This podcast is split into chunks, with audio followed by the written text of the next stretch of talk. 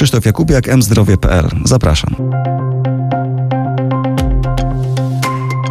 Dzień dobry Państwu. E, jak zwykle będziemy rozmawiali o kolejnych problemach naszego systemu ochrony zdrowia. Jest z nami pani profesor Jadwiga Dwilewicz-Trojaczek. Dzień dobry pani profesor. Dzień dobry panu, dzień dobry państwu.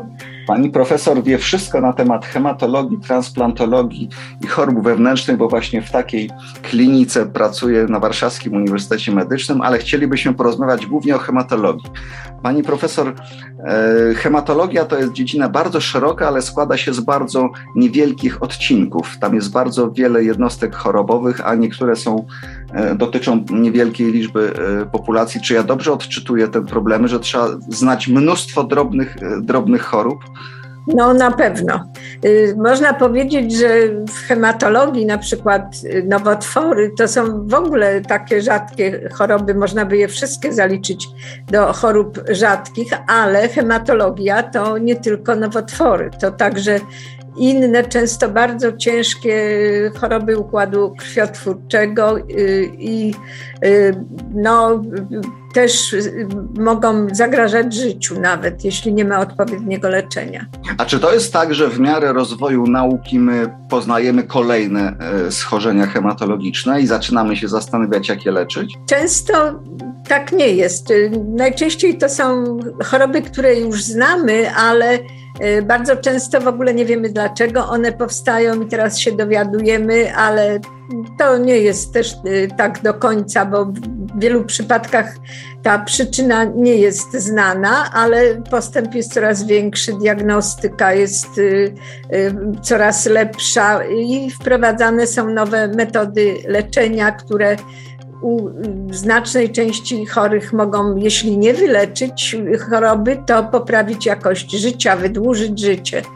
Czyli jednym słowem e, szukamy przyczyn zastanawiamy się skąd jakieś choroby się biorą, a potem jak już poznamy ten mechanizm, być może nawet wcześniej, zaczynamy się zastanawiać, jak opracować terapię, która, e, która taką chorobę potrafi e, wyleczyć. Nawet nie znając przyczyny, ale znając mechanizmy prowadzące do wystąpienia objawów tej choroby, poszukiwanie jest nowych leków i czy różnych technologii leczniczych i to się wcale nierzadko udaje. No właśnie, pani profesor, no bo w ostatnich latach e, e, zarówno amerykańska FDA, jak i Europejska Agencja Leków e, rejestrowały kolejne leki również w obszarze chorób hematologicznych. I te rejestracje biorą się z tego, że ktoś pracuje nad nowym lekiem kilkanaście lat, prawda? To jest bardzo, bardzo długi proces. Natomiast tych leków jest sporo i właściwie z roku na rok coraz więcej. Czy ten postęp dostrzega Pani równomierny w każdej dziedzinie hematologii, czy jakieś obszary są w lepszym stanie zaawansowania, e, a inne w gorszym? Myślę, że w tej chwili właściwie w wielu dziedzinach hematologii ten postęp istnieje. I tu może nie można tak wyróżniać y, zupełnie jakiejś tam dziedziny y, czy subdziedziny, tak to określmy. A powiedzmy w takim razie o przykładach, bo tak jak się umawialiśmy na spotkanie, to wspominała Pani o dwóch przykładach, dwóch chorób rzadkich hematologicznych, których w ostatnich la, latach y, nastąpił jakiś tam rozwój, y, rozwój naukowy, a co za tym idzie, zostały opracowane nowe terapie. Gdyby Pani, profesor mogła powiedzieć, jako pierwsze nocna napadowa hemoglobinuria, na czym to polega, skąd się bierze, czy znamy mechanizm, to jest bardzo rzadka choroba. Szacuje się, że nowe przypadki to jest 1 do 2 na milion mieszkańców, czyli taka ultra rzadka nawet choroba. Y, no wiadomo, y, że tam dochodzi do takiej nabytej mutacji somatycznej genu PIK-A na powierzchni erytrocytów, ale i innych komórek hematopoezy. Nie powstają kotwice, które zabezpieczają przed takim niekontrolowanym atakiem dopełniacza. Y, dopełniacz jest w ogóle nam bardzo potrzebny, bo chroni nas przed zakażeniami, bierze udział w eliminacji mikroorganizmów, kompleksów immunologicznych ale no, jego działanie tu w tym przypadku jest niekorzystne, ponieważ on atakuje na przykład błonę komórkową erytrocytów, prowadzi do ich rozpadu, do bardzo ciężkiej anemii hemolitycznej, tak zwanej wewnątrznaczyniowej, która może nawet zagrażać życiu. Y, w tej chorobie też y, dochodzi do ciężkich y, powikłań zakrzepowych, takich nawet w miejscach nietypowych, jak zakrzepica żył wątrobowych, żył i tętnic mózgowych, i to nawet u młodych ludzi zupełnie, a leki przeciwkrzepliwe nie działają. I dopiero podanie mm, inhibitorów y, dopełniacza y, może spowodować, że i zahamujemy hemolizę i że jeśli podamy, jeśli jest zakrzepica, podamy leki przeciwzakrzepowe, to y, dojdzie do zahamowania procesu zakrzepowego i można tym uratować choremu życie. Y, takimi lekami są inhibitory C5, czyli składowe. No mamy, mamy, mamy leki, które pozwalają. Mamy. mamy. Od tak? 2007 roku jest zarejestrowany przez FDA, ale i przez EME y, taki lek, który nazywa się Eculizumab, to jest inhibitor C5. On y, w Polsce został no, dopuszczony, że tak powiem, do leczenia kilka lat temu, czyli nie, to nie jest długa historia. Czy dopuszczono do leczenia w sensie, że zaczął być refundowany, tak? Tak, zaczął być refundowany, chociaż był tam pewien zgrzyt i przez rok nie można było dwa lata temu y, nowych chorych y, włączać do tego badania, ale w tej chwili jest y, to możliwe. Ten lek jest lekiem dożylnym, podawanym co dwa tygodnie, no, czyli trochę tym chorym utrudnia życie, ale zdecydowanie mm, poprawia jakość życia i w ogóle przedłuża przeżycie. E, czyli przedłuża, przedłuża przeżycie i e, poprawia tak, życie. Pani profesor, po nazwie sądzę, że to jest przeciwciało monoklonalne. Bo się to jest przeciwciało monoklonalne i y, w 2019 roku został zarejestrowany kolejny inhibitor C5, Y, to się nazywa ten lek Ravulizumab. Y, on y, podawany jest również dożylnie, ale co 8 tygodni, dłużej działa. I w krajach, gdzie finansowanie jest leczenia rawulizumabem, właściwie jest to lek pierwszej linii. Oba te leki są zresztą uznane jako leki pierwszej linii w leczeniu nocnej napadowej hemoglobinurii. No w Polsce rawulizumabu niestety nie używamy, bo nie ma finansowania, nie ma programu lekowego, a to zdecydowanie poprawia ludziom jakość życia, no bo jeśli przychodzą do placówki yy, służby zdrowia i pod, co 8 tygodni, no, a nie co 2 tygodnie, to to jest y, zdecydowanie lepiej, ale działa równie dobrze.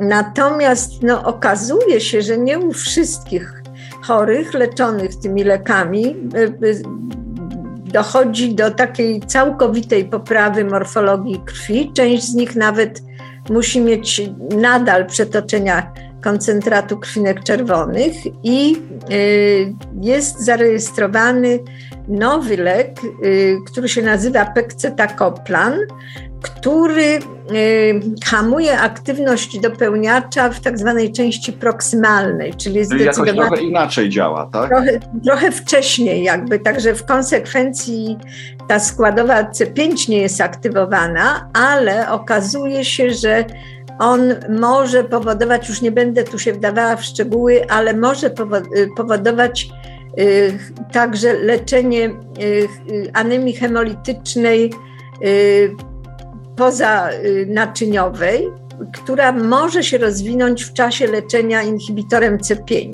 I takie badanie, które pozwoliło na zarejestrowanie tego leku. On jest zresztą zarejestrowany i w Stanach Zjednoczonych Ameryki, i w Europie. Y, u chorych, którzy jeśli są leczeni przez trzy miesiące, w sumie mało skutecznie, bo y, niedokrwistość nadal się utrzymuje.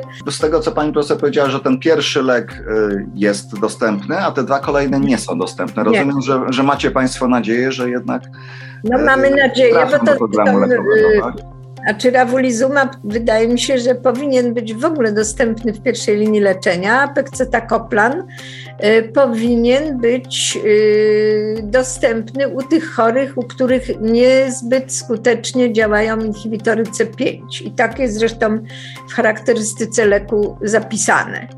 Także no, na pewno mogłoby to y, części chorych y, zdecydowanie poprawić jakość życia. No, po, powiedzmy, że te wszystkie leki przeze mnie wymienione nie wyleczą niestety z y, choroby, tylko y, likwidują albo łagodzą jej skutki. A to jeszcze na koniec, gdyby pani, znaczy na koniec tej, tej, tej części naszej rozmowy, gdyby pani profesor mogła powiedzieć, y, ilu chorych y, dotyka ta choroba i jak, czy ona jest, do czego ona prowadzi? Czy doprowadzi do jakichś, no nieuchronnie do śmierci, czy też po prostu obniża jakość życia? Jak, jaki jest jej przebieg kliniczny? To jest choroba, jak powiedziałam, y, rzadka. Jeden, dwa nowe przypadki na milion mieszkańców na rok. Najczęściej dotyczy ludzi młodych. Mediana zachorowania to jest około 30 lat. Może dotykać także dzieci, ale zdecydowanie rzadziej. I tutaj chyba mediana zachorowania jest, wynosi 12 lat, ale zdarza się, że y, zachoruje i osoba starsza.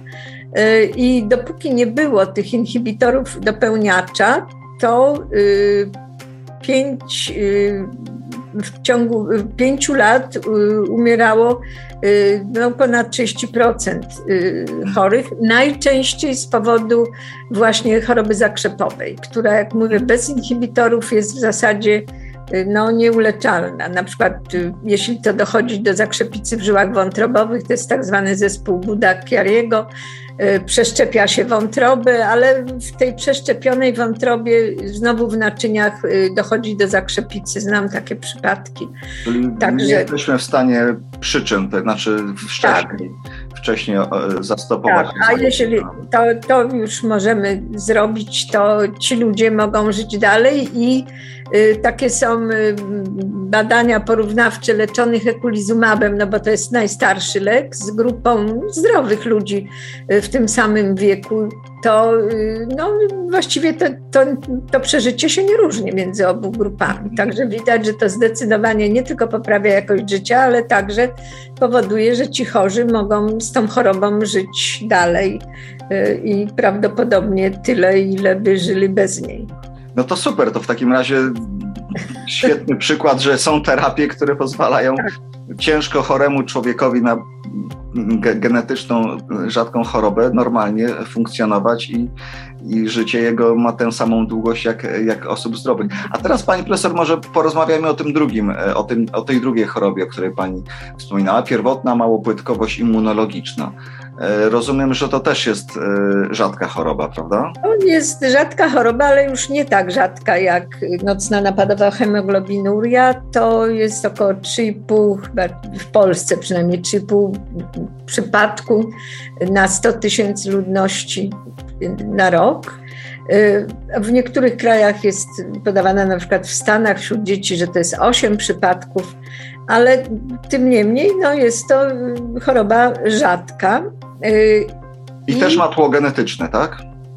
To tutaj trudno powiedzieć. Tu jest, y, powstają y, przeciwciała, autoprzeciwciała przeciw płytkom krwi, a płytki krwi potrzebne są nam do prawidłowego krzepnięcia. I, I, często ta liczba płytek krwi dramatycznie spada, tak jak dolna granica normy to jest 150 tysięcy w milimetrze sześciennym, to może tu spaść do paru tysięcy.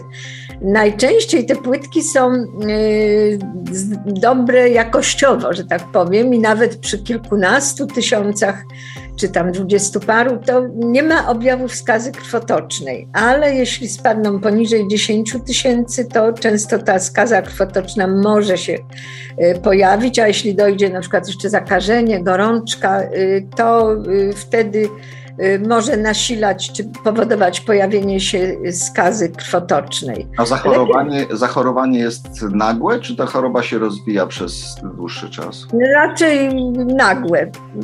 Mówi się, że być może przebycie jakiejś infekcji może powodować, że to się rozwija, ale to tak do końca nie wiadomo.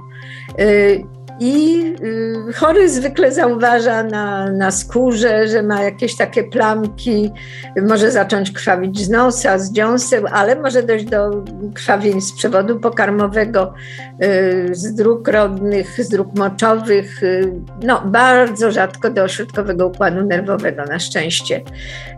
Leczeniem z wyboru są tutaj sterydy, glikokortykoidy. To jest od lat i one w zdecydowanej mierze poprawiają, powodują wzrost liczby płytek krwi, ale zdarza się, że trzeba stosować ciągle dosyć duże dawki glikokortykoidów, co z kolei niesie różne działania niepożądane powodowane przez te leki i y, no, próbuje się podawać na przykład immunoglobuliny dożylnie, to też nie, mm, nie leczy choroby, ale te immunoglobuliny, czyli przeciwciała, y, powodują, blokują jakby wychwytywanie tych płytek krwi opłaszczonych autoprzeciwciałami i płytki krwi żyją dłużej.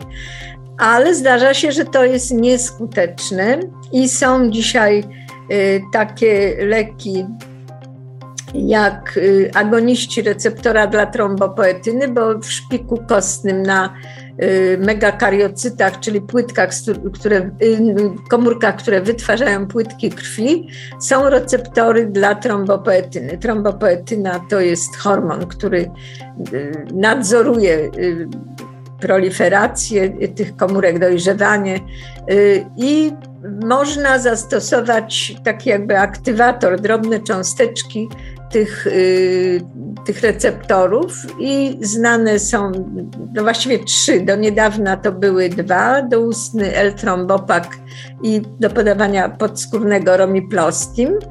Z tym, że w Polsce znaczy są programy lekowe, ale nie można tych leków zastosować przed usunięciem śledziony, bo kiedyś sekwencja, właściwie no nadal jakby to obowiązuje w Polsce, że podajemy sterydy, nie działają, można jakieś inne leki immunosupresyjne podawać, nie działają, no i wtedy y, powinno się usunąć śledzione, co u około 60% chorych powoduje normalizację płytek krwi, ale u części znowu po paru miesiącach czy po paru latach choroba nawraca i na przykład zwraca się do sterydów.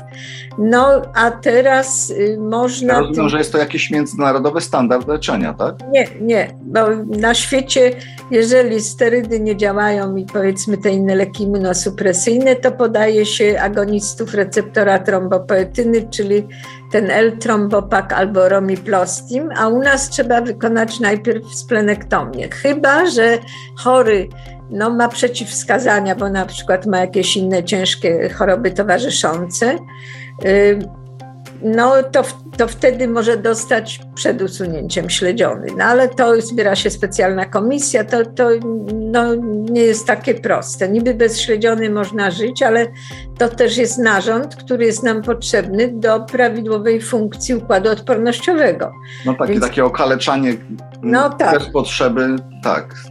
Y, I no, w związku z tym lepiej by było, żeby te leki można było podać bez usuwania śledziony. Natomiast w chorobie też mamy do czynienia z jakimiś nowymi terapiami, które mogą. Tak, jest teraz jeszcze trzeci lek, agonista y, receptora trombopoetyny, awatrombopak, który y, ma na przykład y, no, zastosowanie, jeśli oba te leki, które przed chwilą wymieniłam, nie działają i okazuje się, że on tu może być skuteczny. Zresztą y, są chorzy, którzy na przykład mają jakieś uszkodzenie funkcji wątroby i wtedy L-trombopak może to nasilać. Sam może powodować y, no, jakieś uszkodzenie funkcji wątroby i jest u tych chorych, którzy już y, z jakiegoś powodu tę wątrobę mają funkcję jej uszkodzoną, nie powinien być stosowany. Poza tym L-trombopak trzeba podawać nie razem z posiłkami, no, albo dwie godziny przed posiłkiem, albo cztery godziny po posiłku. To dosyć kłopotliwe, jak Kłopotliwe, bo znaczy to może nie ze wszystkimi, ale w większości no, na przykład y, nabiał czy coś, no, no, no więc na przykład śniadanie bardzo często jest tak. Y, z tym y, spożywane i no to jest kłopotliwe. Natomiast L-trombopak, awa trombopak Y, może być stosowany u chorych z uszkodzeniem funkcji nerek, oczywiście, y, funkcji wątroby, to oczywiście trzeba y, te funkcje wątroby kontrolować, ale nie ma tu przeciwwskazań i można go spożywać razem z posiłkiem. Bardzo ciekawe ale... też pani profesor powiedziała, bo też chodzi o tę jakość życia, o to jak te terapie tak. przeszkadzają, prawda? Bo na przykład jedzenia. W tym poprzednim przypadku mówiła pani o tych lekach, że można je stosować rzadziej, prawda? Też niektóre terapie tak. są takie, że można podawać dawać podskórne, a nie dożylne. No, tak, to tak. rzeczy. No na przykład ja nie powiedziałam, że ten pekcetakoplan jest do podawania podskórnego. A, to, właśnie. Czyli też, też, też, dla pacjenta jest bardzo istotne. Można y, nawet przy, no można w domu, jeżeli jest dobrze już ustawiona terapia, to chory może sam w domu albo no, tam są specjalne zespoły pielęgniarek, które mogą też w domu to podać, albo nawet potem pacjenci przeszkoleni sami tak, przeszkoleni mogą... Sam, bo to doskonale poprawia, że tak powiem, właśnie jakość życia, nie trzeba tak. podróżować, no bo tych klinik hematologicznych nie ma jakoś, za każdym rogiem nie ma kliniki, więc no, tak, tak. pacjenci muszą podróżować, prawda? Ja powiem taki przykład podam chorego, którego znam, y, który no, przy leczeniu y, ekulizumabem no, jakby był przywiązany ciągle, zresztą on nie mieszka w Warszawie, więc musiał przyjeżdżać, ale no, był jakby przywiązany do tego ośrodka.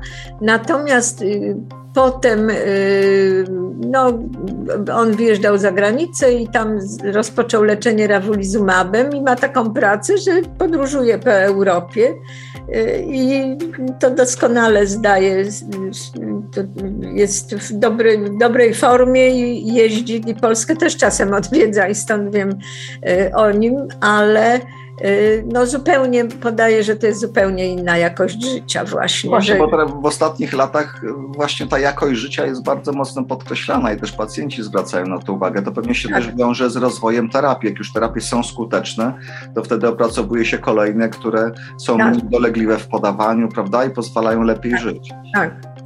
To tak jak na przykład dzisiaj próbuje się ostre białaczki, które no, w ogóle wiąże się z leczeniem intensywną chemioterapią, e, transplantacją komórek krwiotwórczych u części chorych, ale starsza grupa chorych e, na przykład no, nie zawsze się kwalifikuje do takiego leczenia i to jest mniej skuteczne niż u młodszych. I dzisiaj e, są opracowane takie leki, które można podawać doustnie. I to dla tych chorych jest y, znowu szalenie poprawiające jakość ich życia, bo nie muszą ciągle właśnie przebywać w szpitalu, y, a mogą być leczeni w domu, tylko jeździć na kontrolę. Także to no, widać, że właśnie chodzi też o to, żeby ta jakość życia była jak najlepsza. No i też w ten sposób odciążamy y, kliniki, prawda, że jest mniej pacjentów. No tak, tak. Rzadsze ale... wizyty, można się zajmować większą liczbą pacjentów równocześnie mm dzięki temu. No tak, oczywiście. A w okresie pandemii to też było szalenie ważne, no bo jednak no mimo wszystko w, w takich placówkach służby zdrowia ciągle y, no jednak było chyba narażenie większe, bo, bo, większe skupiska tych ludzi. No, nie wszędzie są idealne warunki, często chorzy w jakiejś poradni, oczekujący, stłoczeni. To zresztą wszyscy na całym świecie podkreślali, że powinno się podawać leki jak tylko można najrzadziej, żeby w tych placówkach służby zdrowia oni jak najkrócej jak najrzadziej przebywali. Pani profesor, na koniec jeszcze jedno pytanie zadam, bo Mówiliśmy o tych nowych terapiach, że one są do Polski wprowadzane z pewnym opóźnieniem. E, my liczyliśmy, że e, średnie, średni czas między rejestracją nowej terapii onkologicznej a e, objęciem refundacją to jest w Polsce 3 lata. Jak pani myśli, czy jest szansa, żeby to było szybciej? No nie wiem. Na razie to wydaje się, że jest dłużej. Że, no tak, ciągle musimy czekać, udowadniać, że, że te leki działają, że chorzy no, żyją dłużej, że niekoniecznie potem ciągle muszą być w placówkach ochrony zdrowia. Y, a to, to, się, to jest bardzo, bardzo długie. No, na przykładzie tego ekulizumabu to, to trwało ponad 10 lat chyba. No, mhm, tak. tak. Na pewno, także to, ale, ale leki... To taka tak, zaległość była wieloletnia, prawda? Tak, ale no inne leki, no, na przykład stosowane w chorobach nowotworowych układu krwiotwórczego chłonnego, to też nie jest takie proste, żeby je wprowadzić na przykład w pierwszej linii leczenia, to z opóźnieniem sporym. Jednak. Czyli jednak jest cały czas dużo do zrobienia mimo wszystko. No bardzo dużo moim zdaniem. Mimo, że z roku na rok jak się patrzy na statystyki, to coraz więcej tych leków trafia do leczenia. Na szczęście, na szczęście jednak no, to się powoli jakoś tam dzieje, ale wydaje mi się, że zbyt wolno, że powinno szybciej się to dziać.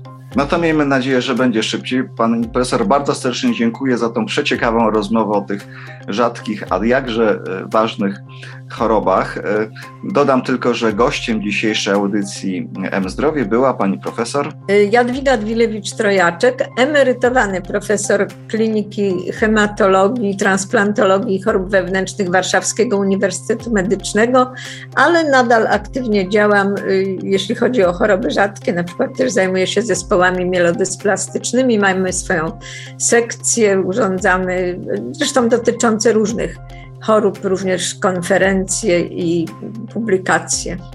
Bardzo dziękuję profesor. Pracy jest mnóstwo, więc dziękuję za rozmowę. Mam nadzieję, że z każdym rokiem będzie dla pacjentów coraz więcej dostępnych terapii w Polsce. Serdecznie dziękuję za nagranie.